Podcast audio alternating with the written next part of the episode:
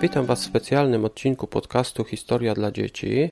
Dzisiaj jest 30 września i dzisiaj przypada Międzynarodowy Dzień Podcastów. Z tej okazji wraz z innymi podcasterami, ale nie tylko podcasterami, bo także przyjaciółmi naszymi, przyjaciółmi podcastów, razem postanowiliśmy przeczytać fragmenty książek, do których przeczytania chcielibyśmy Was zachęcić. W dzisiejszej audycji będziecie mogli posłuchać pani Joanny Niewiem, która uczy polskie dzieci w Wellingboro. Ja już się wstępnie z nią zacząłem umawiać na wspólną lekcję historii, z której być może wyjdzie także nagranie. Być może będzie to nagranie o bitwie o Anglię, w której brało udział bardzo wielu Polaków. W każdym bądź razie pani Joanna nagrała dla Was fragment książki Albina Siekierskiego pod tytułem Nastaje zmierzch. Jest to taka zbeletryzowana biografia Wojciecha Korfantego. Posłuchajcie. Albin Siekierski nastaje zmierzch. Czemu Lojzik umarł? Zapytałem jak tylko można najciszej. Najpierw mnie mocno przytuliła, potem zgasiła lampę. Taka była wola boska, Wojtusiu. I dobrze, że się tak stało. Byłeś kiedy u Lojzika. Nie, nawet nie wiem, gdzie mieszka. Widzisz, synku, tego nie można nazwać mieszkaniem. Nasze króliki lepiej mieszkają niż oni tam. To bardzo biedni ludzie. Było ich dziewięcioro razem z matką, bo ojca już nie mają. Teraz zostało ich już tylko pięcioro. Czworo umarło. Aż grzech powiedzieć, ale dla nich to wybawienie. Kiedyś mieszkali w familokach, ojciec pracował na fannie, tak jak nasz tata. Przyszedł tu z Polski. Pan rektor nam powiedział, że Polski nie ma. Dziecko moje, może i nie ma, ale ludzie tak mówią. Czelać, Milowice, tam za Brynicą, to wszystko Polska.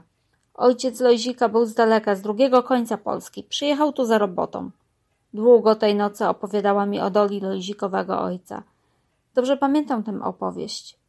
Dziś już nie pomnę, ile mi w pamięci pozostało z matczynego przekazu, a ile w niej wiedzy zdobytej później w bibliotekach, z lektur, na studiach. Ziemia górnośląska obrodziła skarbami. Złota ni diamentów tu nie było. Srebra mało, za to węgla pod dostatkiem, rudy żelaza, cynku, ołowiu, ruszone oskardem gwarka i wydobyte na powierzchnię zamieniały się w złoto. Tylko po nie sięgnąć i rozwozić po świecie, sprzedawać. A do tego trzeba było ludzi. Zdrowych wyrwi dębów, odważnych waligurów, co pójdą w każdą skałę, w ogień i w wodę.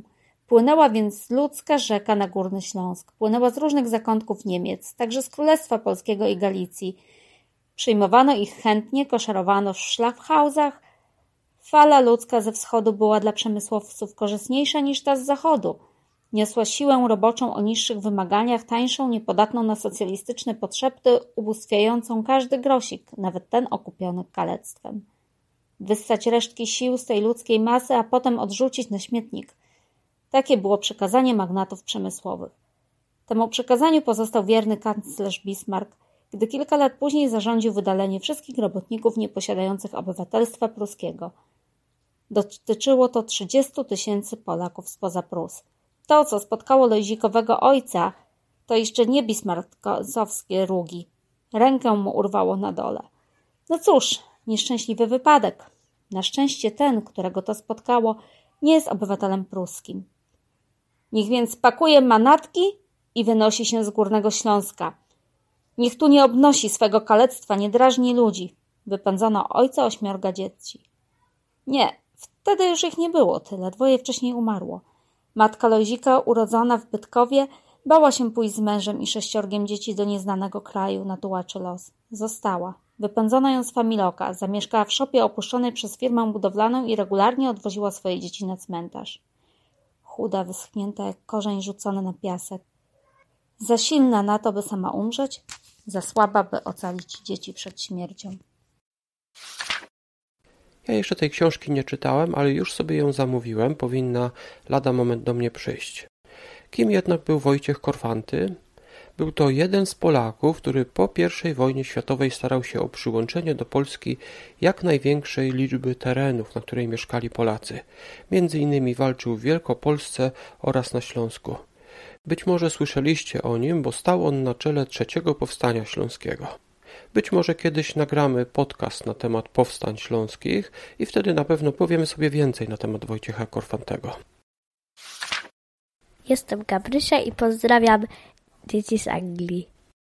Dzisiaj jest 30 września, a wczoraj w niedzielę 29 byłem w gościnie u Gabrysi i Ignacego oraz ich rodziców, Gabrysi i Ignacego z Poznania. Gabrysia ma 10 lat, a Ignacy 7 i wraz z nimi nagraliśmy materiał do odcinka o Ostrowiu Tumskim w Poznaniu. Mam nadzieję, że ten odcinek też się niedługo pojawi. Nazywam się Ignacy i pozdrawiam z Poznania dzieci z Anglii. Tyle na dzisiaj. Dziękuję Wam za wysłuchanie do końca tego krótkiego odcinka i do usłyszenia w następnym.